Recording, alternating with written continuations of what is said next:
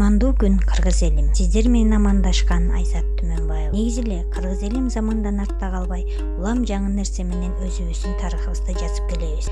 Мен дагы ошол максат менен элге жаңы сиңип келе жаткан подкаст форматында тарыхка кайрылып көрүүнү туура көрдүм. Бул подкасттын аталышы супара деп аталат. Супара деп атаганымдын себебинде чоң маани бар. Акыркы күндө жаштар эле эмес улуу муун супара эмне экенин билбей калдык. Супара десе эле эс алуу жайын түшүнүшөт. Жок андай эмес. Бул кыргыздын дасторкону деп келет мен бала чакта ар бир боз үйдүн ашканасында илинген супараны азыр көрбөй калдым. Ошондуктан подкасттарымдын сериясын супара деп атап алып кыргызымдын улуттук тамак аштары жөнүндө баян кургум келди. Менин каарманым толгонай өмүрова колунан көрү төгүлгөн уз он бир баланын баатыр энеси.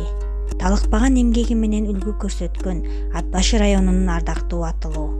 Ак моюн айылынын тургуну. Анда эмесе кеттик. Ар бир чыгарылышта толгонай апам менен кызыктуу маекти бирге угабыз